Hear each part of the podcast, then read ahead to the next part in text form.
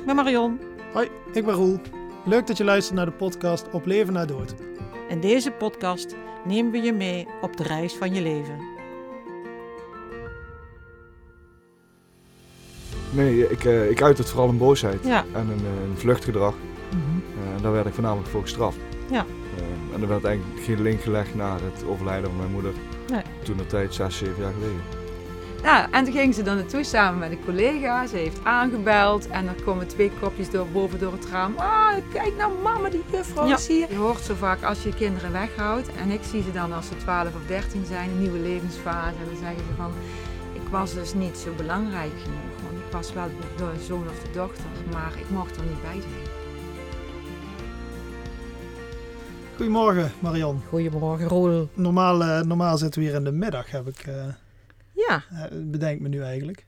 waarom dat is, dat weet ik eigenlijk nee, niet. nee. Dus eh, eens kijken of we het in de ochtend net zo goed kunnen doen. Ja, ik ben eh, goed wakker, jij? Zeker. En ehm, we gaan een, een heel mooi, wel een gevoelig onderwerp aansnijden dit keer. Ehm, ja, ik zeg gevoelig, omdat ik het zo ervaar vaak. Hè, als wij bij, bij families thuiskomen en het gaat over ehm, hoe gaan we om met de kinderen. Hè, als, er, eh, als er overlijden in het spel is. Ehm, dan merk je gewoon dat mensen dat heel moeilijk vinden. Moeilijk om over te praten, moeilijk om mee om te gaan. Ehm, maar we gaan het dus vandaag echt wel hebben over hoe ga je nou om eh, met kinderen? Hoe kun je ze betrekken bij, bij het overlijden? Ik ga het weer trekken.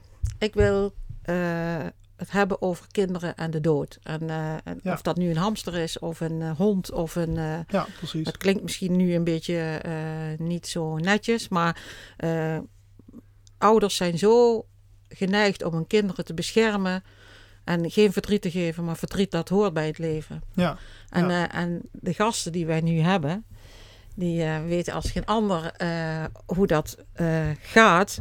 En eh, die zijn er eigenlijk wel op speciaal verzoek voor mij, want ik ben een beetje fan. en, eh, en, eh, maar ik denk dat die gasten zich beter zelf voor kunnen stellen. En eh, dan gaan we Ja, gewoon weer met ze in gesprek. Nou ja, ik ben Gertie Moren.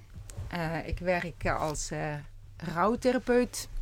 Maar eh, liefst, ja, dat is al meteen een hele grote drempel eh, als je dat vertelt voor veel mensen. Dus eh, ja, ik werk eigenlijk gewoon met mensen. Ja. En iedereen maakt inderdaad eh, verlies mee. En eh, heel veel mensen zijn veerkrachtig genoeg om dat zelf te doen. Maar een enkeling eh, ja, vindt het ook fijn om eens even dat er iemand eh, een klein beetje meevaart. Om Ja. maar in de Ja. bootjesmetafoor meteen. maar Bootjes, toch, die bootjes die zullen nog wel Ja. terugkomen vandaag. Nou, misschien wel, je hebt een mooie metafoor Ja. daarvoor. Ehm, ik ben Jasper, eh 26. En ehm, ja, ik eh, ben ervaringsdeskundige bij, bij Maskeraf. Eh, waarin wij vertellen over eh, moeilijke thema's in, eh, in het leven. Voornamelijk aan andere jongeren op middelbare scholen. Maar nu begin je met mijn masker af. Wat is mijn masker af? Mijn Maskeraf is een stichting waar, waar het, de hoofdmoot is door jongeren voor jongeren. Iedereen die bij ons aangesloten is, die vertelt hun eigen verhaal. Voornamelijk aan andere jongeren om te laten zien dat je niet de enige bent. Ehm, maar ook om die moeilijke thema's zoals de dood eh, bespreekbaar te maken met elkaar. Ja, dat is eigenlijk de stichting waarvoor dat eigenlijk is opgericht. Om dat bespreekbaar te maken. Ja. Om, eh, ja. Dat is Ja. begonnen uit een boek. Eh 20 verhalen van jongeren die allemaal een dierbare zijn verloren. Ehm, en dat is zo doorgegroeid tot eh, het voorlichting geven. Van naar specialisten uiteindelijk naar andere jongeren toe. ja, want je benoem, ja, dat benoem je hè, van eh, je bent ervaringsdeskundige. Wil je dat uitleggen? Ja, ja, ik ben eh om mijn elfde plotseling mijn moeder verloren. Ehm, aan een longembolie. Ehm, en om mijn eh, 17 ben ik daardoor depressief geraakt. Ehm, wat een best wel een eh, turbulente, turbulente tijd was. Mhm. Tot uiteindelijk zelfs dat ik zelf niet meer wou leven. En gelukkig ben ik daarin Gertie tegengekomen. Die met het project er bezig was met, met het, het soort lotgenootcontact. Door eh, je verhaal op te schrijven en andere verhalen terug te mogen lezen. Eh, en zo zijn we eigenlijk doorgegroeid tot, eh, tot deze stichting. Ja, wat ik zo mooi vond, ja, het verhaal is niet mooi, maar wat ik zo mooi vond toen jij eh dan meer naar buiten kwam en toen het boek uitkwam, Mhm. bracht mij weer een beetje terug naar mijn tijd, want ik ben op mijn negende mijn vader verloren. En in die tijd was er helemaal, ja, daar was gewoon geen oog voor. En bij jou las ik ook dat eh, ze jou helemaal niet begrepen. En, eh, en waar jij, waarom jij als persoon was wie je was toen je jong was. Dat, er, dat ze het niet meteen in de gaten hadden dat de, die link naar de rouw om je moeder eh, daar was. Nee, ik, eh, ik uit het vooral in boosheid Ja, en een, een vluchtgedrag. Mhm. Eh, en daar werd ik voornamelijk voor gestraft. Ja. Ehm, en er werd eigenlijk geen link gelegd naar het overlijden van mijn moeder. Nee. Toen de tijd, zes, zeven jaar geleden.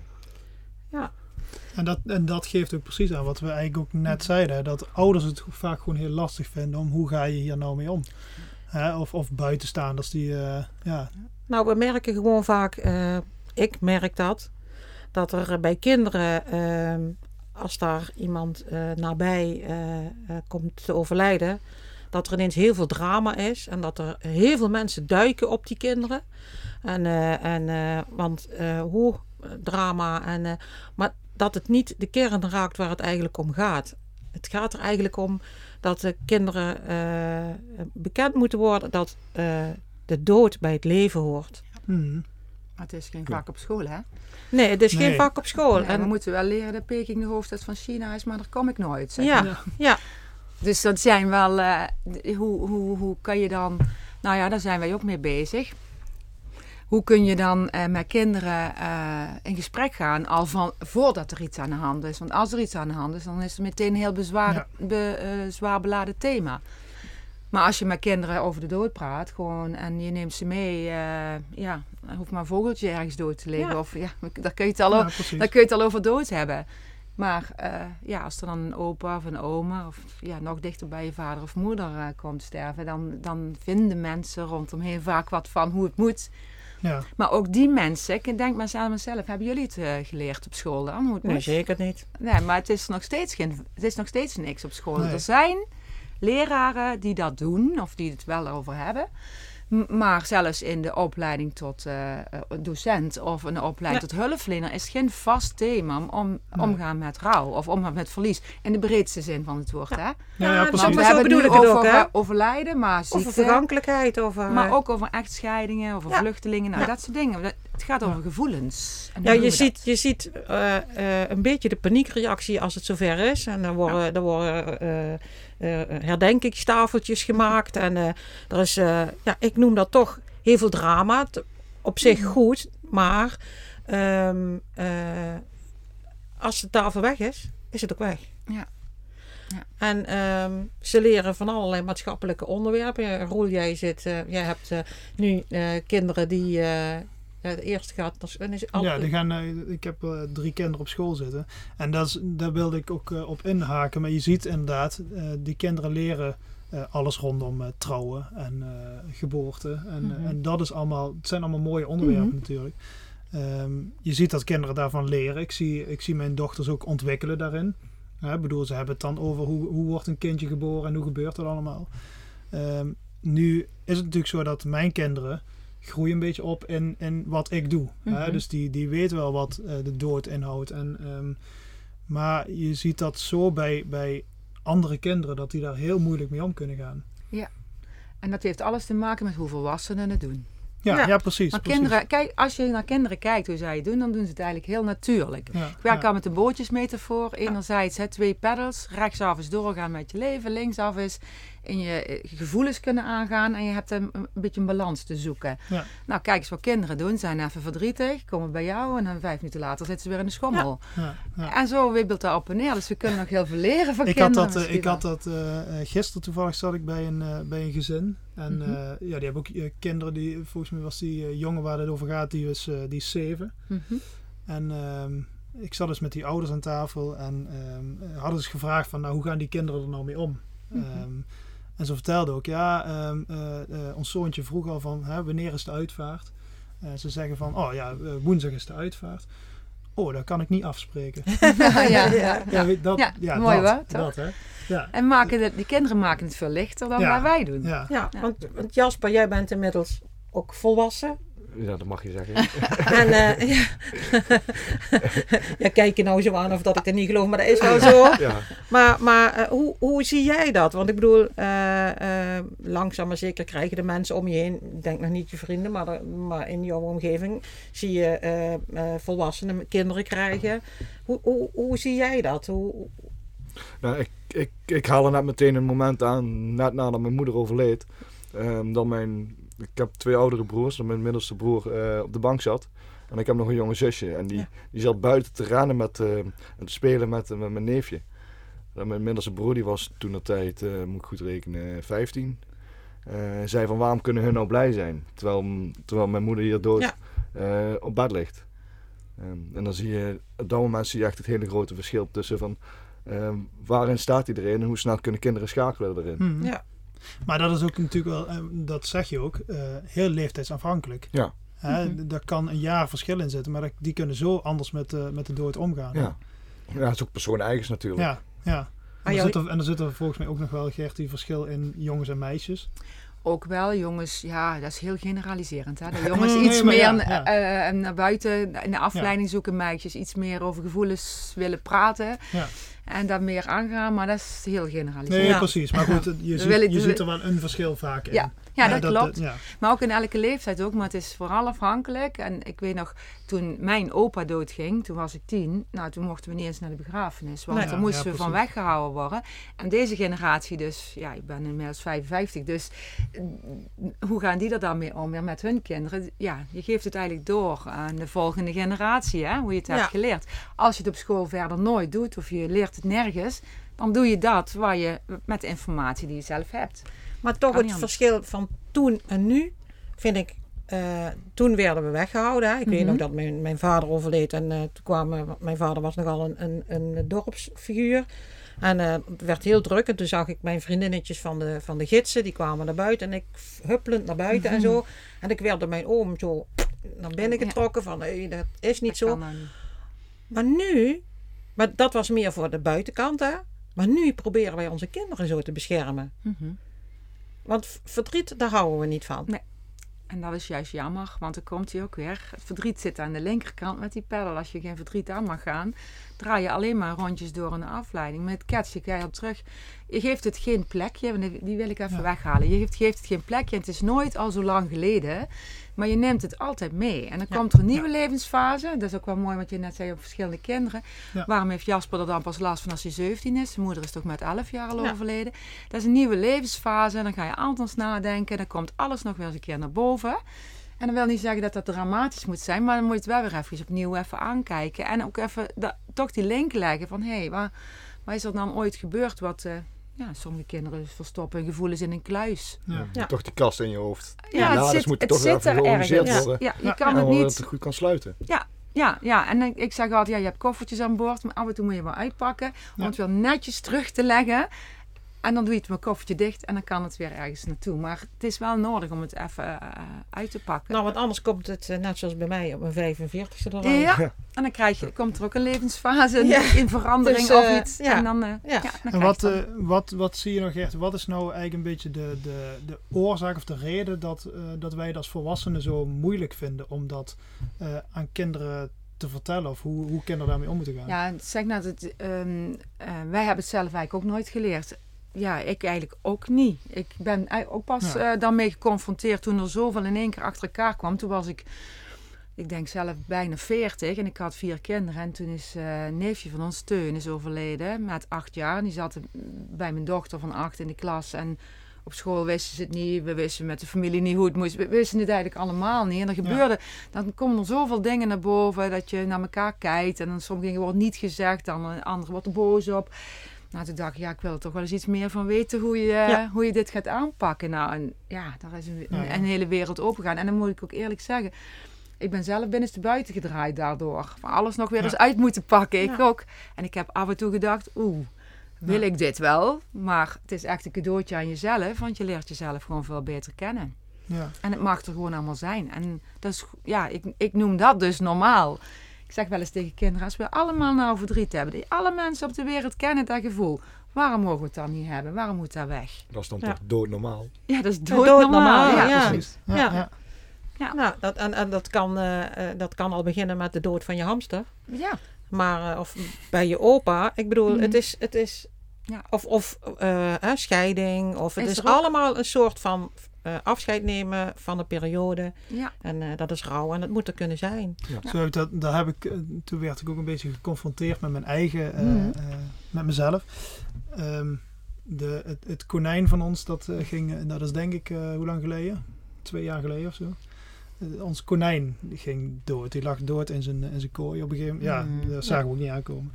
En nou ja, mijn oudste dochter, die zag dat. En die, ehm, ja, die, die was steeds mee aan het kijken, wat gaan ze doen nu en eh, noem maar op. Nou ja, ik, ik heb dat aangepakt, ehm, eh, in een emmer gelegd.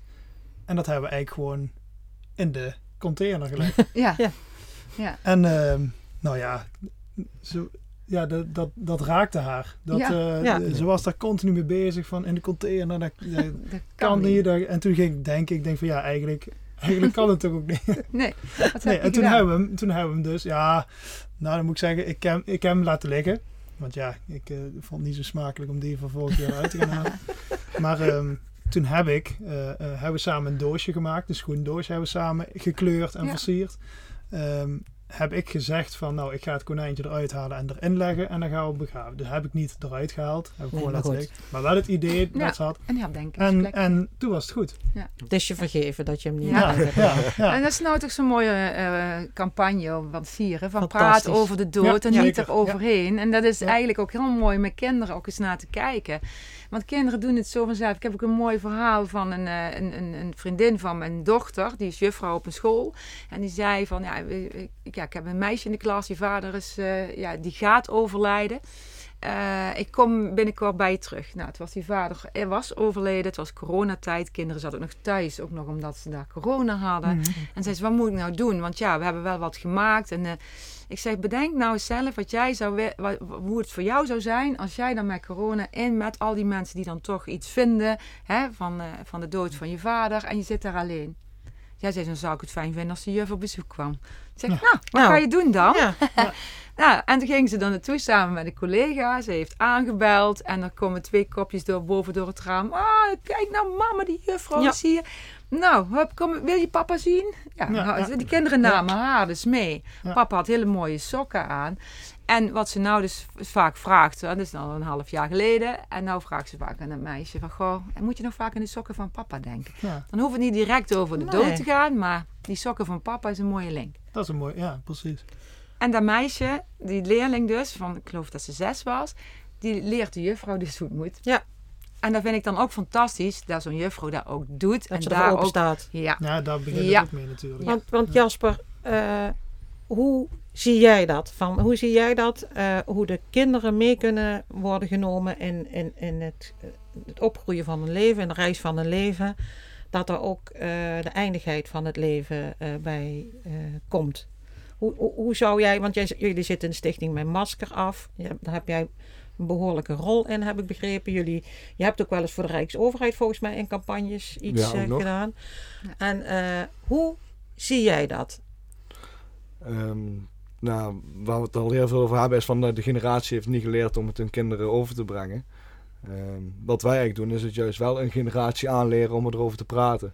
Ehm, stel voor, de ideale situatie is dat wij deze hele generatie, dus mijn generatie of een generatie eronder, kunnen aanleren om over de dood te praten. Gaan ze ook automatisch naar hun kinderen toe. Mhm. En hoe kun hoe, hoe- ja, maar eh, moet dat ook concreter gemaakt worden dat we meer naar de scholen gaan, dat de scholen veel meer openstaan om, eh, eh, om, om bijvoorbeeld jullie een, een lezing te doen, want dat kan ook op een spelenderwijs. Ik heb, ik heb een lezing ontwikkeld die, die heel spelenderwijs eh, eh, een beetje mijn vak, eh, eh, mijn- op mijn vak neerkomt. Maar eh, geloof me niet, volwassenen willen het al niet, maar laat staan dat het naar scholen komt. Ja, je, zie- je merkt wel vaak dat scholen bang zijn. Helemaal als wij komen, wij, we, we snijden wel gevoelige onderwerpen aan. Ehm, maar er zijn nog meerdere stichtingen die heel mooi werk doen en naar scholen toe gaan om het juist de jongeren bespre- bespreekbaar te maken over moeilijke thema's. Ja. En het is wel heel belangrijk of scholen het nou zelf doen of eh, ze huren daar een stichting of wat dan ook voor in om dat bespreekbaar te maken. Dat maakt in die zin niet uit als ze maar bespreekbaar maken. Ja. wil ik wel een kanttekening even bijzetten. Want je kunt alles inhuren, maar wat die jongeren doen, bij jongeren, dat kan ik als gestudeerde Nee. volwassene Nee. niet. Dus die combinatie, jongeren willen elkaar, eh, in, zich identificeren aan elkaar. En als ze zeggen, hé, hey, dat is ongeveer mijn leeftijd en die doet het zo ook zo, dan voelen ze zich niet meer de enige. Ja, Wat je- herkenning. En dat is de Maar wat, je ziet, wat je echt ziet in de lessen is, dat wat wij eigenlijk proberen te creëren, is dat het een groep wordt en dat de jongeren zich gezien worden, Ja. zich gezien voelen. Ja. Ehm, wij krijgen verhalen mee van jongeren die eh, al een jaar, twee jaar bij elkaar in de klas zitten en nog niet eens van elkaar weten dat Nee. allebei hun moeder zijn overleden. Ja. En uiteindelijk arm in arm naar buiten lopen, eh, omdat ze zoveel troost aan elkaar hebben, omdat ze eindelijk weten Ja. dat ze een soort gelijk hebben meegemaakt. Maar ook wij volwassenen, daar kan ik over meepraten. eh, ja, ik heb ontzettend veel geleerd van jullie. Ik, Hm. heb, ik heb verschillende lezingen gehad. eh, eh, jullie hebben op mijn beurs gestaan toen de tijd. Mhm. Ja, ik heb echt heel veel geleerd van, van jullie. En ik, Hm. met jou, van jou heb ik een workshop gedaan van een paar dagen. Mhm. En ook daar waren de jongeren van mijn maskeraf. Nou ja, ik bedoel, een betere leerschool kon ik niet hebben. Hm, dat is Nee, mooi. dan, dat is eigenlijk alleen maar uit ervaring eh, besproken, Ja. gesproken. Ik wil ook, nog een kanttekening maken bij die scholen. Want als je zegt scholen moeten doen, dan denk ik nu dat er luisteraars zijn die zeggen... Hoe, dat moet ook weer bij die scholen. Want die krijgen een hele ah, hoop zo. erop. Ja, ja, ja. Wij willen het ook graag samen doen. Het hoeft niet nog meer, Nee. maar het kan anders. Ja, En eh, als we, eh, wat, wat er in de maatschappij ook nog een beetje mist, is de verbinding tussen onderwijs en zorg. Ja. Want als wij ergens, ja, we moeten ook ergens van leven, zeg maar. Hè? Dus als, als wij ergens subsidies vandaan willen halen, dan zegt de zorg, zegt, ja, maar het is onderwijs. En onderwijs zegt, ja, maar het is zorg. Ja. Of als we met scholen zeggen van, nou, willen jullie die gastlessen gaan doen? Zeg je, ja, maar wat moeten we dan doen met al die jongeren die waar we van signaleren dat ze iets hebben? Ja. Ja, zoveel mensen hebben we niet. Of dan komen ze in wachtlijsten Ja. terecht. En dan denk ik, ik, ik, ja, ik maak al zo'n piramide. Hè? Als je de, de punt aan de onderkant hebt, dat doen we eigenlijk nu. En daarboven wordt het heel breed. Dat betekent dat aan de onderkant wordt er niet over gesproken. En daarboven het zoveel mensen hebben hulp nodig dat er overheen kookt. Dat is Ja. nu aan de hand. dat is nu aan de hand. Als ja. wij aan de onderkant met z'n allen, dus de piramide omdraaien, een brede onderkant maken waar we met elkaar over dit soort dingen praten. Ja, dan zul je zien dat je aan de bovenkant veel minder mensen nodig hebt die Ja, hulp nodig zeker, hebben. Zeker. Dat Wij is, kunnen eh, elkaar zoveel helpen. We hebben ja, jongeren ook, die kunnen elkaar gewoon helpen. Dus we, dat is ook Hmm. wat we. Dat zijn ook de effecten. En is vorig jaar hebben we er een onderzoek naar laten is, doen. het is ook niet Zo. dat wij iets eh, veroorzaken of dat wij iets triggeren. Het is meer dat we juist de verhalen waar jongeren klaar mee zitten, Ja. eh, openbaar maken. Ja, je maakt het wel los natuurlijk. Hè? Dat, en dat Ja, kan natuurlijk maar- wel, eh, wel eh, effect hebben. Maar dat- wil je ook. zit al dat bij- is juist niet zit, zit al bij de jongeren. Ja, ja, Eh, of ja, wij het nou doen of, ze, Ja. of, of het knalt een keer eruit. Net als Nou, bij mij vroeger werd dat ik boos werd. Of dat ik... ehm, Ja. dat- ja, ik ben echt ten onder gegaan. Ik, Ja. ik, ben Ja. zelf, ik heb zelfs, zelfs twee keer geprobeerd om een einde aan mijn leven te maken. Ja, ja. Ehm, doordat ik er niet over praat ja, en dat wil je natuurlijk zeker voorkomen. Ja. Ja. Ja. Omdat je er alleen dacht dat je de enige was. Ja, dat naar je- niemand dat toe kon, dat niemand kon luisteren. En dat is wat jongeren dan doen. Juist dat als ze het er niet over hebben, gaan ze zelf een eigen waarheid Ja, gaan over zeker. bedenken. En dan krijg je En die cirkel naar beneden. En dan Ja. eh, krijgen we die jeugdzorg die nu Nou, eh, dat. niet op orde is. En waar nog zoveel... Nou ja, in de Ja. zin van dat daar nog heel veel eh, te leren valt. te leren valt. En eh, dat je dat wat jij zegt al in, breed Ja. daarboven kunt doen. eh, Ja. dat vind ik, vind, ik vind het wel een mooie metafoor wat je Mhm. zegt. Ja. Ja. Maar daarin is het ook blijven ontwikkelen, ook voor de zorg. Ehm, Zeker. Als je kijkt naar bijvoorbeeld de afgelopen jaren het internetpesten gegroeid is, ehm, moet daar ook in ontwikkeld worden. Mhm. Ja, en, en, en eh, ehm, ik zou me zo voor kunnen stellen hè, eh, dat jouw kinderen zitten dicht bij, eh, bij, bij het uitvaartwereld, dat die eens een lezing gaan houden en, eh, en, eh, en, en hun vriendjes en vriendinnetjes of de school meenemen, of met een spreekbeurt bedoel ik dan. Ja. Ja, ja, ik weet dat ze op de crematoria scholen welkom zijn. Het zijn toch een soort maatschappijlessen, toch? Waar, waar scholen Nou, ook... Dit zou mooi zijn op een basisschool. Dus we, er zijn, we hebben wij ook ontwikkeld. Dat is een, een, een, een programma wat je met kinderen op de basisschool kan doen. Heb je het over verlies, dan is het meteen alweer zwaar. Maar het, gaat, zijn, het is een begrijpend leven, noemen we dat Ja. maar.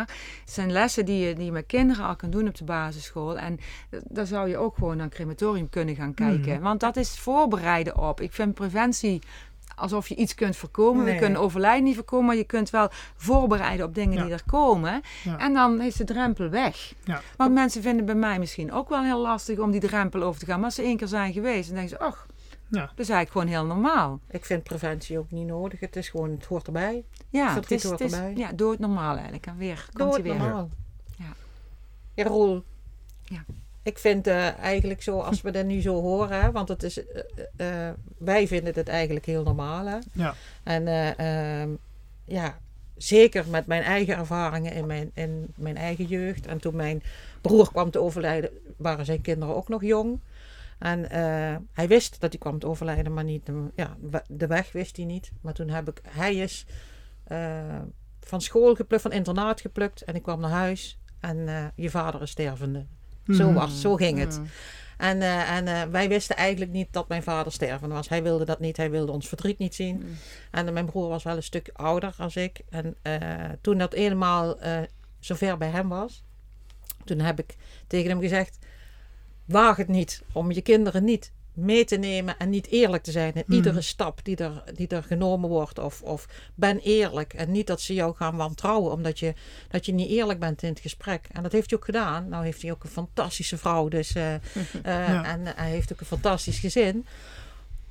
Maar dan is het al, dan is de dood al zover. Maar bij jou bijvoorbeeld, ik vind dat voorbeeld van toen ik bij jou kwam om een foto te maken voor deze podcast, die vind ik, vind ik heel beeldend. Ja, ja. Ja. Weet je, voor, ja, voor, voor, voor mijn kinderen is het, eh, is, het- is het normaal. ja. Het hoort erbij. En die, die, die deinzen niet terug inderdaad van een, een, een kist die uit de auto komt. Of, Nee. eh, nee, Ja, nee. jij woont nu in een bouwput, hè? Want je gaat Ja. een prachtig huis Ja. eh, ben je Ja. aan het verbouwen. Ja. En, eh, en, en jij staat er met die bus. En de fotograaf staat erbij, ik sta erbij. Nou, jij rolt die kist naar buiten. Niet, eens, niet eens erbij nadenken. Nee, die kinderen die fietsen eromheen. En oh, wat leuk. Oh, Marion. Oh, wat leuk. En eh, die fietsen. En nou, wij maken die foto en die kist gaat weer erin. En dat is toch eigenlijk wat we willen voor de kinderen. Ja, dan zie, je, dan zie je dat het allemaal niet zo spannend hoeft te zijn. Nee. Ja, mooi. Dat, ehm, mooi, mooi voorbeeld. Ja, en Ja. dat brengt ons eigenlijk weer naar het volgende stuk. ja, Naar het stuk eh, als afscheid, als het afscheid echt werkelijkheid gaat worden. ja want, eh, want daar krijgen wij vaak mee te maken. Wij komen pas vaak in beeld als, als, ja, als iemand overleden is. En Ja. dan komen we erachter dat er, eh, dat er kinderen ook eh, in het spel zijn. Ehm, ja, dan moet je eigenlijk heel snel kunnen schakelen. Ja, want Ger- Geert en Jasper, hoe zien jullie dat? Van, eh, kijk, je hebt het plotseling overlijden, maar wat als een, eh, een naaste, opa, voormama nog, en nog erger, of ja, moet, ik moet het niet klassificeren, maar in ieder geval iemand waar ze heel veel van houden, die krijgt te horen dat het, leven, het levenseinde nabij is. Hoe neem je een kind mee nadat... Ehm, nou, sowieso hebben kinderen altijd recht op eerlijke informatie. Ja. Eh, wel op niveau van een kind, dus met meer in een vragende houding. Van Ja. hoe zie jij dat? Of wil jij... Dwingen heeft nooit geen zin. Maar eh, ik mocht vroeger ook niet naar het ziekenhuis toen mijn opa daar lag. En want ja, je was zoveel vermagerd. En weet ik wat nou, ja, dan kun je je voorstellen dat ik als kind van zeven eh, dacht van... Oh, daar ligt eh, wel bijna een lijk in bed of zo. Ja. Weet je, als een, of een opa is opgeblazen. Nou, dat is een hele grote ballon. Als je dat kinderen zegt. Dus eh, vraag aan kinderen, maak het niet, ook weer niet dramatisch. Vinden ze het eng, maak er even eens een foto van. Of, eh, nou, kijk maar. Neem ze in ieder geval mee. En vraag wat kinderen willen doen. Ze willen helpen. Ze willen, ze willen iets kunnen betekenen. Dus eh, doe, doe dat. En gewoon. En wat heel belangrijk is, als je nog de kans krijgt om afscheid te nemen, als iemand ziek is, is, mij, is de enige vraag die ik aan iedereen rondom stel: waar zou je nou spijt van hebben wat je niet hebt gedaan of wat je niet hebt gezegd? Ja. Dat is eigenlijk de enige vraag. Maar die is wel heel belangrijk. Want ik zei, trauma's kan je verwerken. Ja, ook een beetje gechargeerd. Maar spijt hebben kan je nooit meer overdoen. Nee, Nee. en, en, en eh, wat ik ook wel veel zie, is dat je over je eigen dood heen regeer, wilt regeren. Dat zie je heel vaak. Degene die dus doodgaat, eh, dat die zegt van nou, ik wil nog weten waar mijn kinderen naar school gaan. En ik wil dit en dat. En daar zeg ik ook van, laat je kinderen zijn eigen koers bepalen. Als, ja, Mhm. als ze over de dood heen nog moeten doen hoe jij het hebt bedoeld, dan mogen kinderen nooit hun eigen leven leiden. En dat, is, dat zou heel jammer zijn. Dat vind ik ook zo moeilijk Kinderen- aan een herinneringskist. Mijn man, mijn man Mhm. wordt er, als we het erover hebben, wordt hij heel boos. Want Ja? ze- ook zijn moeder, Mm. toen hij was tien, toen zijn moeder overleed. En hij zei, als mijn moeder bepaald had wanneer ik een brief moest lezen. Mhm. Of wanneer ik eh, eh, zijn eh, sleutelhanger moet gebruiken. Of, of dan zou mijn leven er nu heel anders uitzien. Ik heb zelf kunnen bepalen Ja. wanneer mijn tijd daar was om, om dingen te doen of Ja. dingen te gaan herinneren of een fotoalbum erbij te halen. En ik merk nu dat we heel erg bezig zijn met herinneringskisten. Met, eh, eh, nou zeg ik niet dat dat verkeerd is, maar gewoon. ehm, ik vind wel dat kinderen zelf moeten bepalen wanneer ze eraan toe zijn om een stuk uit die kist te halen. Ik denk dat het belangrijkste hierin is gewoon vragen. Dat is het belangrijkste Wat woord. Mhm. kind zelf Eh, wil, hè? En als het nu nee is, betekent niet dat het morgen nee is. Of betekent Mm. niet dat het volgende week, of volgende maand, of volgend jaar, of over vijf jaar nee is. Ja. Ehm, Ja, alleen jij- het, het hele moeilijk is gewoon, eh, ehm, eh, merk ik vaak bij, bij ouders dat, dat ze moeilijk om kunnen gaan dan met, met boosheid, met frustratie, eh, die dan bij kinderen opkomt vaak. Ja. Ja, dit zijn even twee dingen. Nee, wat, dat- ja. jij, Mhm. wat jij zei, Marion, eh, want ik vind een herinneringskist juist fantastisch. Ja, ik maar ook. het is be- eh, be- belangrijk dat je de bedoeling daarvan ook wel eh, weet. Het moet Ja, niet ja. een kist zijn van hier zit alles in en zo moet je gaan voortleven. Want dat betekent eigenlijk dat je alsnog, ook al ben je overleden, eigenlijk nog aan een boot van een kind gaat Ja. trekken. Eh, wat belangrijk is dat een kind het, nog herinneringen kan terughalen op het moment dat hij dat zelf wil. En eh, ik weet wel dat kinderen die heel jong, eh, waar heel jong iemand is overleden, het heel fijn vinden om nog herinneringen te hebben van, maar dat hij wel zelf die kist mag openmaken op het moment dat hij dat zelf Ja, wil. Ja, niet als je 16 bent eh, en, of, of als je 18 bent, je drinkt je eerst je pilsje, ik noem hem iets. Nee. Of je, je gaat Ja. je rijbewijs halen, dat daar iets in de kist zit voor jou. Nee. Of, eh, nee, Nee, nou ja, en dat, Ik vind het een mooi, mooi verhaal. Ik Ja. weet niet of jullie allemaal een serie over mijn lijk hebben gezien. ja, zeker. Ja. Eh, die jongen, die man met darmkanker die overlijdt met Ja. de Mhm. herinneringskist. Ik denk dat dat het ideale voorbeeld is. ja. Eh, zijn motorpak erin, eh, zijn luchtje erin. Ja, ja dat, precies. dat had de- mijn vader of moeder was ook, zijn vader of moeder was ook vroeger verleden, dat deed Ja. hij ook. Ja. Alleen dat luchtje was bijna op. Dus ik, ik heb er nou maar een nieuwe voor mijn, voor is gekocht, dat mooi. hij zei. Eh, ik denk dat dat denk ik het ideale... Maar die kinderen die renden ook rond eh, met Ja. het maken van Ja. de kist. met de van en de met, eh, kist, en het was, met het het was een feest. En, en, Dat. en dat, kijk, dan is die kist minder beladen. En die Zeker. kist staat gewoon in huis. En die is gewoon. En eh, dat is, dat, is het, ki- de kist voor het kind. En daar zitten gewoon leuke dingen in. En eigenlijk moet het ook een, zou het ook een speelkist kunnen zijn. Hè? Van, nou, dat, dat, is, dat is juist het mooie. Ja, maar dat is ook, dat is- laat kinderen meehelpen. Een handje op de kist met, met verf of opgeschreven of in de binnenkant van. Maar vraag kinderen wat ze zelf Ja, willen. zeker. Want als je het ook gaat dwingen en iemand wil het niet, dan is het toch goed. Maar als een kind ook neem hem mee om te gaan kijken naar een overleden iemand. Want dat kan ook wel eens zeggen van Ja. het is heel eng. Of eh, ja, wie vindt het eng? Degene die dat zegt. Ja. Maar een kind, als je dat, maar je moet van tevoren uitleggen dat iemand koud is en dat het niemand Ja. zelf is. Ga niet zeggen, eh ligt iemand te slapen, want dan durven ze Oh, dag zelf ja. niet meer naar bed. Dat wordt Nee, ook nog wel eens. We willen het verzachten voor kinderen. We kunnen het niet verzachten. We kunnen ze er maar beter mee leren omgaan. En dood is echt dood. En soms, Ja, soms, is dood het, is wel- dood. soms is het wel ook lastig dat ehm, eh, eh, wij, wij kennen dat, wij hebben dat ervaren, hè, Mhm. dat kinderen gewoon, die moeten betrokken worden. Ja, je Mhm. moet ze gewoon confronteren eigenlijk ook eh, met een overledene. Mhm. Ehm, maar uiteindelijk ligt de verantwoordelijkheid natuurlijk bij de ouders. Altijd. Ik kan natuurlijk niet tegen die ouders zeggen van, hè, eh, nee, je kind moet wel echt Je gaan moet, kijken, ja. want hè, ehm, dat kan niet. En, en dan moet je inderdaad maar goed... eh, Ja, nou is een goed verhaal wel belangrijk. Want ik zeg wel, als je niet gaat kijken, dan heb je de kans dat eh, eh, kinderen of degene die niet is gaan kijken, daarna de werkelijkheid niet onder Ja. ogen kan zien. ja. En dat is de eerste, dat is het allerbelangrijkste. Als jij geen afscheid hebt kunnen nemen, en soms ja, is het dan moeilijk als, er- ja, als er een ongeluk is geweest of hè, dat iemand eh, niet echt meer toonbaar is. Maar misschien is er dan toch nog wel een vinger of een, Ja. Ja. een voet. Of een, hè, het moet wel de werkelijkheid onder ogen. Want dat hoor je dus ook heel vaak. Van op het moment dat er iets, vaak als er iets plotseling is gebeurd. Eh, ja, oei, dat is ongeloof, dat kan niet waar zijn. Ja. En dan is het belangrijk dat ze zien, het is echt waar. En als het niet kan, omdat iemand niet direct wil gaan kijken, maak, doe dan een stapje. Maak er even een foto van. Ja. Even, laat dan even kijken.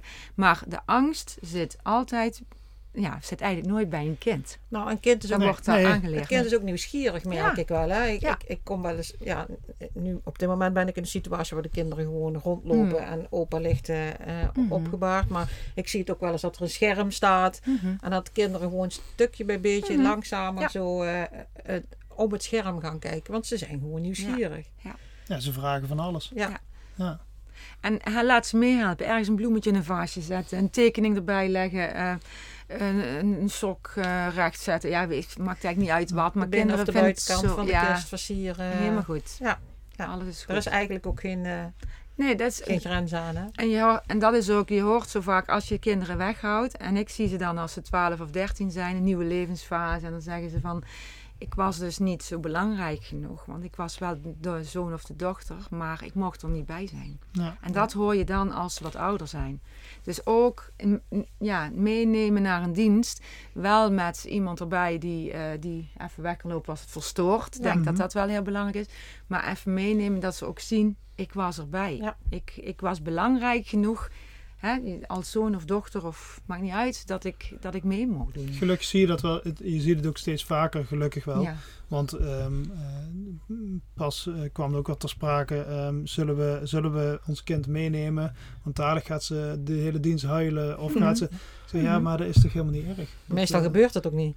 Nee, Juist meestal- waar nee, je bang voor bent, gebeurt gewoon Ja. niet. Want kinderen Ja. zijn zo onder de indruk van... Dat is eh, het. Ja. Ja. ja. Maar, Maar, maar- maar dat is heel belangrijk. Maar wel als het inderdaad verstoord zou het jammer zijn. En dan dat er even een mogelijkheid is dat iemand die Nou ja. wat verder weg staat. ik zeg er dan meestal wel bij van, eh, je moet je er zelf wel, hè, je moet zelf wel ook afscheid Ja. kunnen nemen. En Ja. dat, Maar meestal blijven kinderen... Dat is zo. Maar de, en dit is natuurlijk ook wel heel gek als je kinderen, ehm, eh, als, als opa dol was op zijn kleinkinderen. En vervolgens Is zijn er ze niet dan bij. niet bij. Nee. Of zijn, ja, dat, Ja. Dat, dat voelt natuurlijk ook Ja. Maar dat, niet dat, helemaal goed. dat, dat, dat zeggen wij eigenlijk altijd dan wel. Hè. Daar, daar zitten wij ook Ja. wel op één lijn. Nou, ik denk dat de meeste uitvaartondernemers dat ja, wel doen. hè. zeker. Ja. Het is wel nog er is wel één bepaalde groep waar het soms lastig is. En dat is van kinderen van gescheiden ouders. Ja. Want dan is het wel ook belangrijk. Ja, dat is, dat is mijn mening hoor. Ja. Maar ik weet niet hoe dat verder eh, gebeurt. Mhm. Maar dan eh, als, als, als vader komt overlijden en vader heeft een nieuwe partner. Dan gaat die nieuwe partner. Ja, want wie betaalt bepaalt volgens Ja. mij. Hè? Ja, ja, Die nieuwe ja, ja. partner kan dan de uitvaart gaan regelen. En dan is het ook, ja, vind ik het zo belangrijk dat er nog gekeken wordt naar de kinderen. Ja, die er misschien niet bij aanwezig zijn of misschien minder contact hebben. Maar het zou zo fijn zijn als we even wat kijken, wa- wat vinden de kinderen hier allemaal van? Zeker. Ja, ja. En ik heb het ook meegemaakt dat, dat een, meid, ja, dat was een jonge meid, en die eh, moeder is heel plotseling overleden. Die moeder had een nieuwe partner en die partner be- bepaalde alles en zij mochten niet meedoen. En die partner kreeg na drie maanden een nieuwe relatie en de urn van de mama was weg. Ja. En dat is zo Ja, dat is- erg. dat die kinderen zie ik dus dan helaas ook. Want Maar die Ja. gesprekken, die, ik moet zeggen eh, dat dit soort gesprekken wel eh, meegenomen worden als, als ik om de deur kom kijken. Eh, om daar toch een opening in te zien vinden. En meestal, meestal lukt dat ook wel Gelukkig. hoor. Als je dat zegt van. Kijk, en, en er kan ruzie zijn en, Mhm. en, en die, de nieuwe partner kan eh, de, de oude partner eh, niet, Mhm. eh, niet dulden. Of, eh, Mhm. meestal vinden we daar wel een weg in. Gelukkig. Al Mhm. is het wel lastig. Ja. Ja, ja, zeker. En dat is ook goed voor mensen die in die situatie zitten. Denk ik, oh, gooi even dat stukje even achterover. Om zich te realiseren dat het heel belangrijk dit. is. En vooral ook als mama niet mee mag dan naar de crematie of naar de uitvaart van papa. Want dat gebeurt ook nog wel eens. Dat is zo schadelijk. Want een kind heeft zijn vader of moeder dan extra hard nodig. Ja. Ik zou zeggen, opa of oma is er dan wel bij. Maar die, die moeder, die, die, er is niemand die dan een kind beter kan troosten dan de andere ouder. En Ja, dan, precies. ja, daar, daar, oh, dat, Ik dat heb gaat wel mij eens- aan mijn hart. Ik heb het ook wel eens als een nieuwe brug gezien. Ja. En, en, en ik heb het, eh, een, een gezin, dat is nog niet zo lang geleden. En, eh, en eh, de kleinkinderen kwamen eigenlijk bijna niet meer bij opa en oma, omdat eh, vader en moeder gebrouilleerd waren. Mhm. En opa kwam te overlijden. Mhm. En de, de moeder van de kinderen, die kwam mee, die mocht voorzitten. Mhm. En die beschermde haar kinderen. Maar de kinderen kregen weer een toegang bij hun oma. Nou, wauw. En, eh, en, de, en de moeder liet de kinderen op een gegeven moment los. Die mochten mee nog mee naar oma naar huis. En dat was weer een nieuwe brug. Ja. Dus ook de dood kan ook weer een brug slaan. Ja, zeker. Ja, ja, mooi, mooi voorbeeld. Zo heb ik dat ook ervaren bij het overlijden van mijn moeder. Mijn vader is ook een paar jaar terug overleden. Ja. Ehm, dat het wel je, je familie en de, de mensen die er kort bij staan, dat het, dat het echt heel dichtbij je staat. Ja. En dat het inderdaad nieuwe bruggen brengt, maar dat je ook merkt wie er dichtbij je staan. En, en dat zo'n week met uitvaart niet alleen met een traan is, maar er wordt ook heel veel gelachen en er worden heel veel mooie Zeker. herinneringen opgehaald. Ja. Zeker. Ehm, wat heel erg belangrijk is. En ook inderdaad dat met kinderen te doen.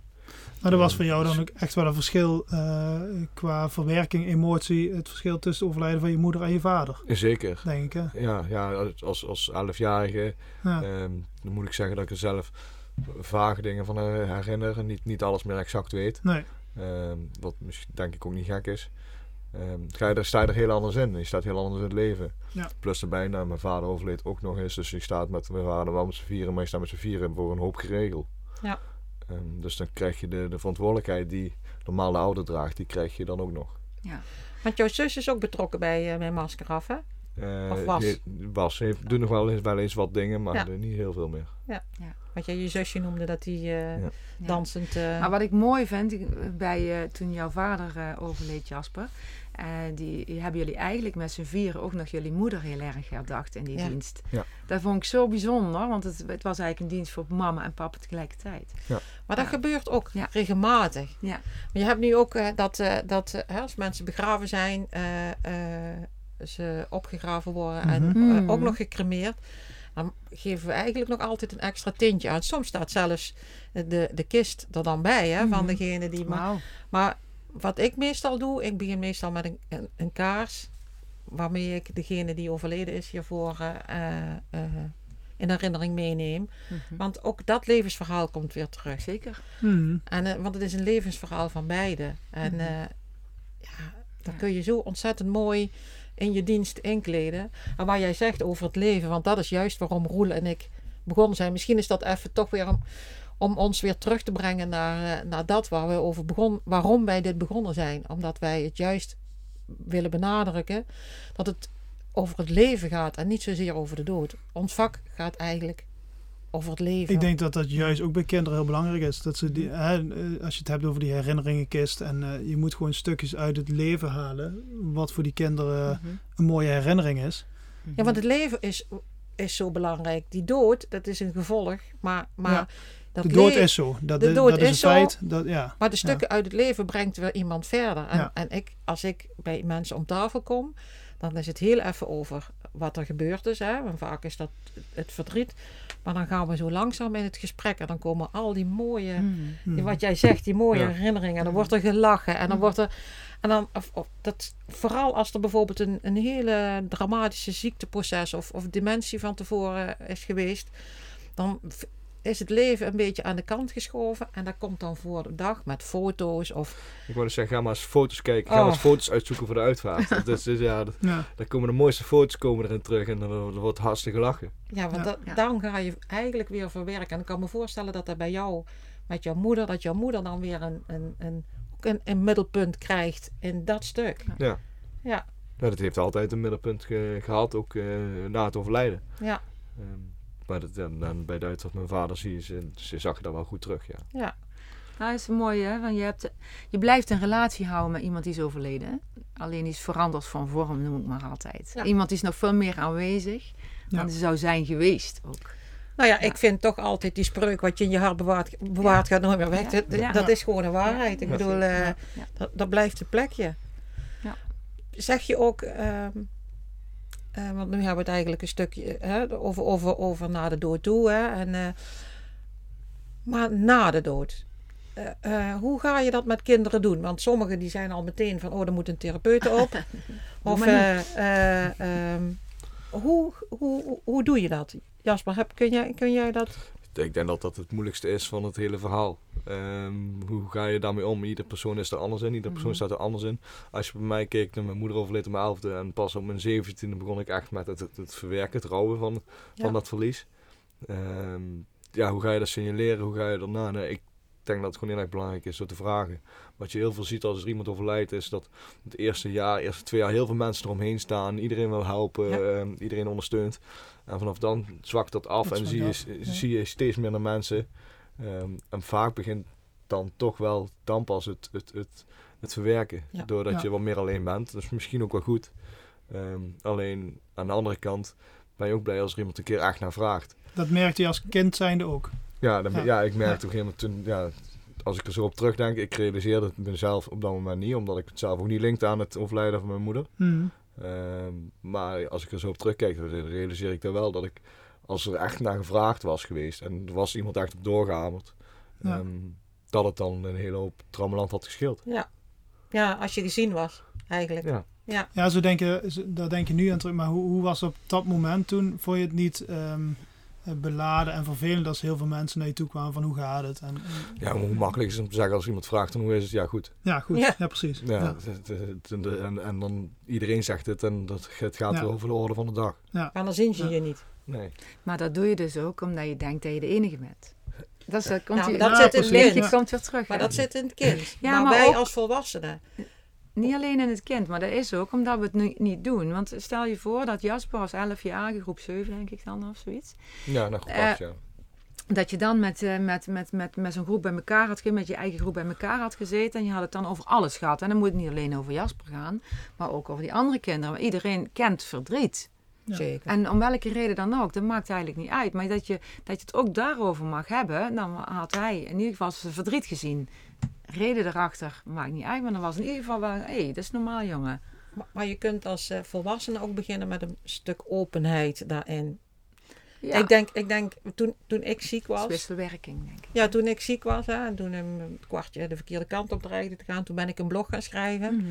En dat heeft voor mijn kinderen, zeggen ze, Mhm. ehm, heel wat opgeleverd. Want mensen wisten precies wat er aan de hand was. Ze wisten dat we toegankelijk waren. Dus mijn kinderen die, eh, die hoefden niet iedere keer het verhaal te vertellen. Wisten precies. En die, maar ze wisten ook dat er geen geheim over gemaakt hoefde te worden. Iedereen wist gewoon, Marion is ziek. Ja. En, eh, en eh, ja, ik had ook de neiging om altijd te zeggen, het gaat goed. Oh, het gaat goed. Nee, het gaat goed. Maar daar zat natuurlijk wel iets onderliggends in. En dat schreef ik op. Mhm. En iemand, maar de wereld gaat wel heel snel door. De Ja. wereld draait door. Ja, Tuurlijk, het is terwijl je zelf stilstaat, eh gaat de wereld door. En onlangs is een vader van een vriend van mij overleden en dan zie je er ook heel goed in terug. Ja.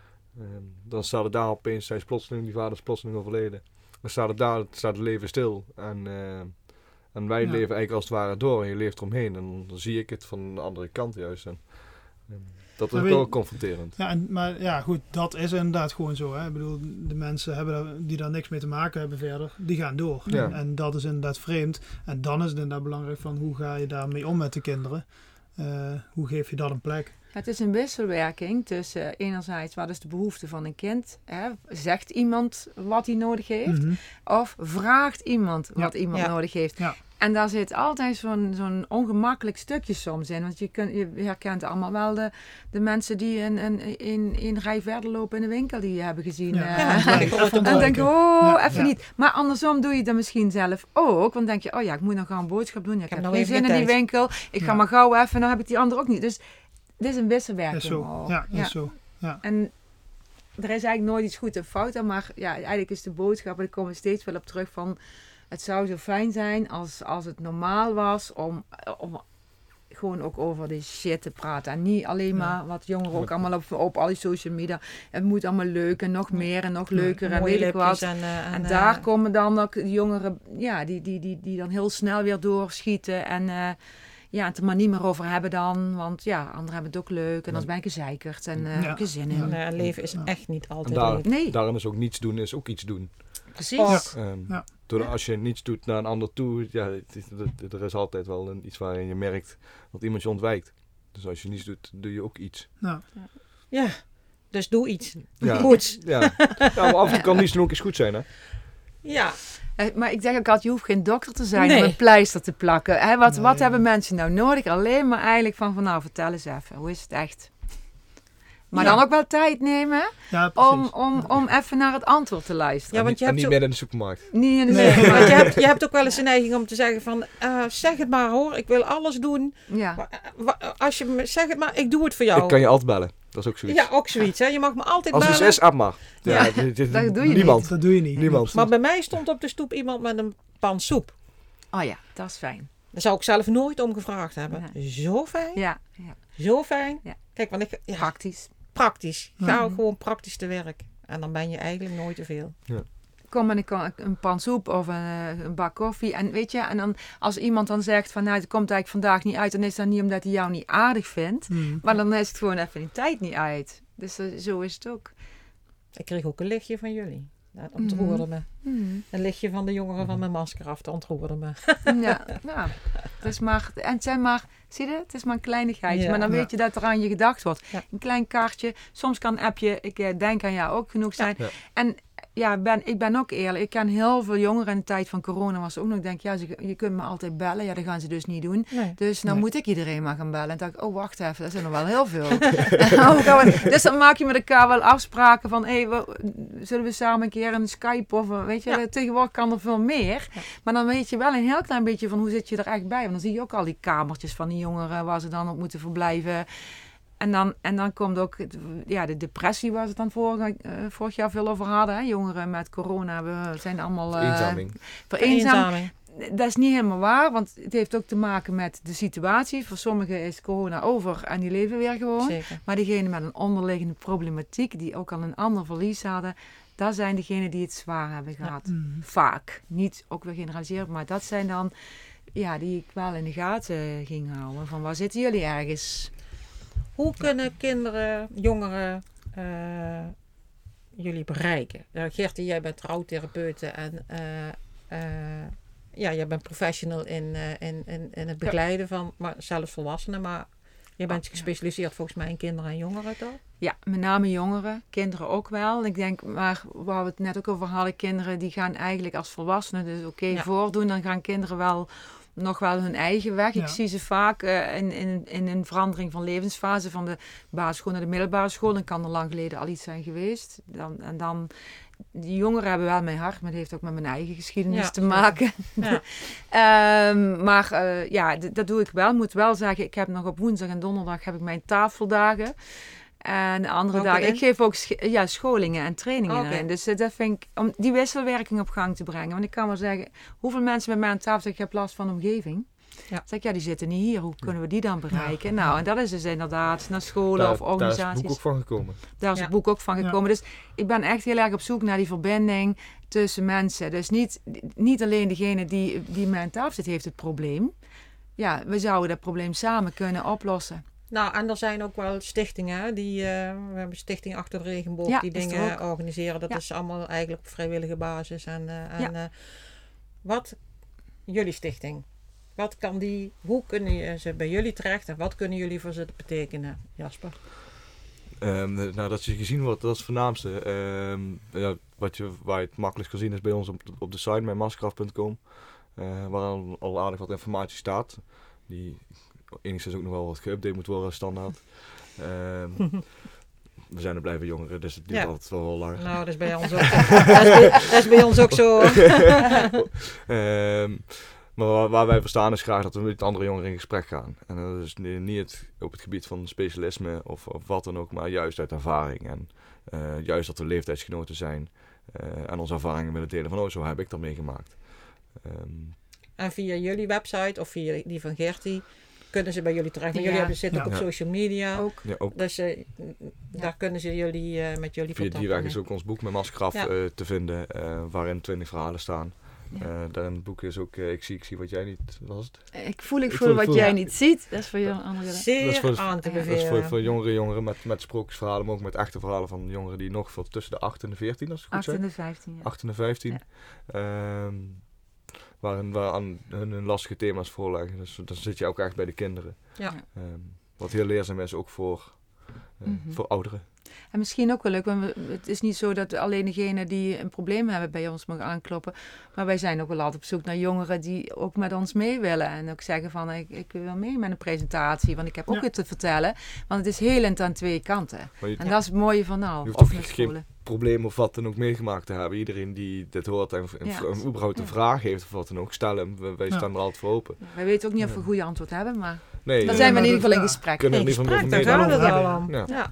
En als ik eh, boven mijn vijftigste er nog wat van eh heb opgeslagen, en, eh, en nou, dan wil ik al wat zeggen. Maar hè? sterker nog, ik leer elke dag van iedereen die bij mij aan Ja, ik ook. Ik ook. Hey, als je, Gelukkig. als je Ja. dan, ehm, want we hebben nu een hele hoop besproken. Ik denk dat er veel voorbij is gekomen. Ehm, misschien is het handig voor eh, eh, ouders die ook luisteren, hè, die Mhm. hiermee worstelen soms. Eh, wat heb je nou aan, aan heel praktisch even tips? Wat kunnen ouders hier nou in, in meenemen? Wat, wat, wat kan ze helpen? Ehm, in ieder geval eerlijke informatie aan kinderen geven, wel op hun niveau. Ja, dat is dan altijd wel, wat is dat Ja. dan? Maar Ja. ook vra- vooral vragen van, goh, wat heb je hiervan meegekregen? Wat vind je ervan? Er zijn boekjes eh, waar je, eh, dan gaat het bijvoorbeeld hele kleine kinderen over oma Pluis die doodgaat. Ehm, Kikker en eh, vogels. Kikker, ja, ja, Ja. Kikker en het Vogeltje, die hebben van allerlei boekjes. Dus een boekje lezen en dan haal je het uit het kind, maar dan snapt hij het wel. Dus dat zijn dan mooie dingen. Maar ook creatief. Ehm, ondertussen ergens iets zitten tekenen en dan, en dan vragen. Dan is het niet zo rechtstreeks. Eh, dat zijn die kinderen. Nou, soms heb je sprookjesverhalen. Ja, kijk maar, Sneeuwwitje gaat ook dood. Ja. Alleen ja, die kan nog wel, die wordt levend door de prins. Ja, en dan heb je al mooie dingen. Kan Ja, daar ook ja. als me, dat gaat in sprookjes zo, maar kan je daar ook als het, eh, als het echt gebeurt. En ook als, er, eh, eh, als je denkt, ik moet binnenkort een keer naar een uitvaart of naar een crematorium of naar een begraafplaats.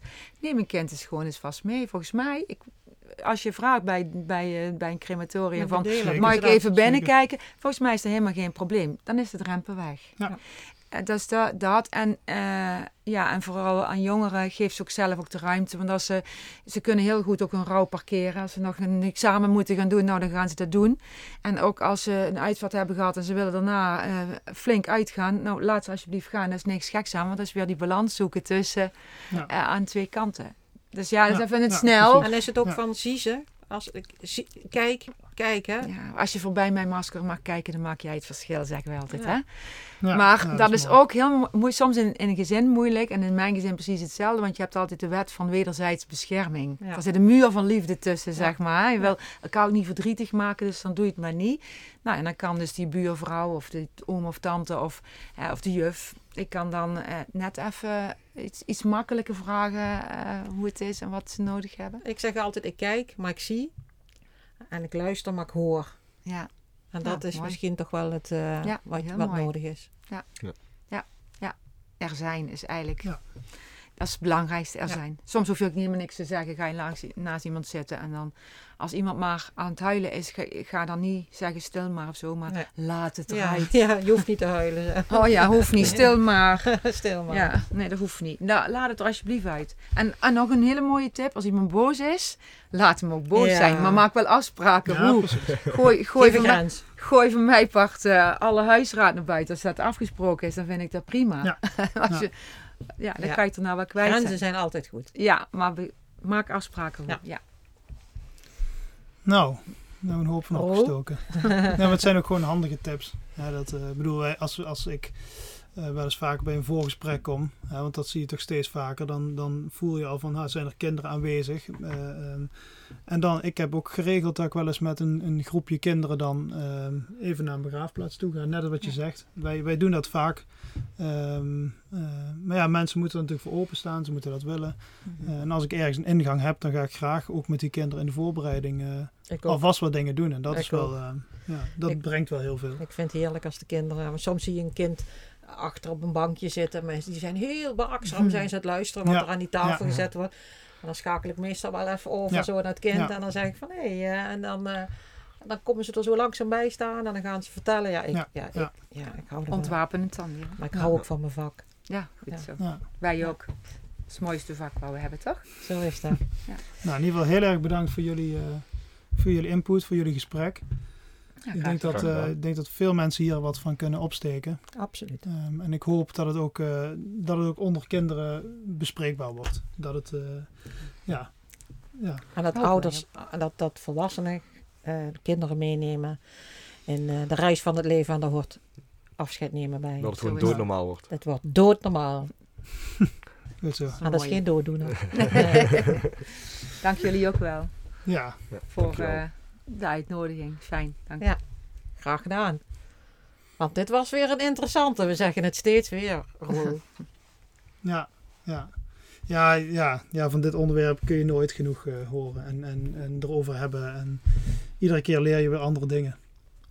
ik, eh, ik steek iedere keer van iedere podcast heb ik weer wat eh, weer op- opgestoken. Ja. En zeker ook van deze. Maar ik moet wel zeggen dat ik wel een eh, hele enthousiaste volger ben van eh, deze twee gasten. en dat blijf ik ook doen. Dus, eh, maar we zijn dus weer, we hebben dus weer een podcast opgenomen. Ja, je, je, je merkt gewoon dat dit een, een onderwerp is wat, wat beladen is, waar beladen over gedacht wordt. Hè? Ja. En, ehm, maar waar je ziet waar zoveel mogelijkheden en kansen nog liggen. Ik, eh, ik hoop ook dat deze aflevering eh, een, een effect heeft dat ik binnenkort een keer bij een gezin kom die dan zeggen van hé, hey, we hebben je podcast geluisterd en, en we hebben er iets aan gehad. Dat lijkt me super mooi. Maar ook de professionals. Ik hoop dat de Ja. scholen, Ja, eh, eh, maar ook de, de jeugdclubs, ja, eh, dat die zich eens veel meer bewust gaan worden dat ze een, eh, een rol hierin kunnen spelen. Ja. En dat ze Ja. in hun lessen eh, niet alleen eh, de geboortes en het, en het huwelijk, maar ook de dood meenemen in de ruimte. Ja. Maar of of rouw, in, wat Gert ook zegt, hè, in de breedste zin van het woord. ja. Nou ja, ik, ik, en dat heb ik in de podcast nu niet benoemd, maar dat wil ik toch wel even laten vallen. Dus ehm, is, is dat, ehm, dat ik vanuit mijn kant ook vaak eh, iets kan betekenen op die scholen. Ja. Ehm, eh, aangezien ik bij Doodgewoon in de klas eh, aangesloten ben. En als scholen vragen hebben over, over een bepaald onderwerp rondom overlijden of afscheid nemen, dan, dan, ja, dan kunnen wij daar iets in betekenen. En ja, goed, ik, ik probeer al wat ingangen te vinden op scholen. Dus het is niet makkelijk. Maar ik hoop Nee. wel dat dat, dat, dat en wat je zegt, dat dat meer gaat leven. En, Dat eh, geldt ook voor mij. Ik bedoel, Ja. eh, eh, ik zou heel graag eens op scholen veel meer dit bespreekbaar maken Ja. op, een, op, een, op een luchtige manier. Ja. En, en het doodgewoon maken, zoals Jasper het noemde. ja. ja, want je, hebt, je, je helpt niet alleen de kinderen, maar ook de ouders en de docenten. En je helpt gewoon een heel breed publiek. Hè? En dat, ja. nou ja, laten we eens kijken wat het eh, voor effect gaat hebben. Ik, En, hoop, eh, ik hoop in ieder geval dat eh, ze er wat van meenemen. En dat, ja, ja, dat is al een, een mooi begin. ja, zo is dat. Nou ja, ehm, ook volgende keer weer hebben we een, een, een mooi onderwerp op de planning staan. We gaan het hebben over digitaal nalatenschap. Ehm, ja, dat, dat, dat is eigenlijk iets wat redelijk nieuw nu, eh, ja, of nieuw. Er, er wordt heel veel aandacht aan geschonken Ja, op want we laten wat na, hè? Ja, ja, ja iedereen heeft Facebook, Instagram, eh, maar iedereen heeft een telefoontje. Ja, wachtwoorden en eh, ja. al dat soort eh, dingen. Ja. ja. Ja, en wat, ja, wat, wat jij en ik merken als wij bij een gezin komen, ehm, dan willen ze foto's gaan laten zien, dan willen ze muziek gaan draaien, maar Ja. niemand komt op het systeem van de overledene, omdat er een wachtwoord is. Of omdat, Klopt. nou, en dat, daar gaan we dus over hebben. En daar hebben we dus ook een, een, een interessante gastspreker bij, die, eh, die daar eigenlijk alles over weet. Ehm, Weer een interessant onderwerp. Ja, Ja. we kunnen het niet anders Ja. noemen. Ja, zeker. En als mensen inderdaad nu al hebben van, ehm, oh, daar, daar wil ik iets over weten. ehm ja, Stel die niet vraag. inderdaad om inderdaad te mailen. Want dan kunnen we het in dat gesprek meteen mee gaan nemen.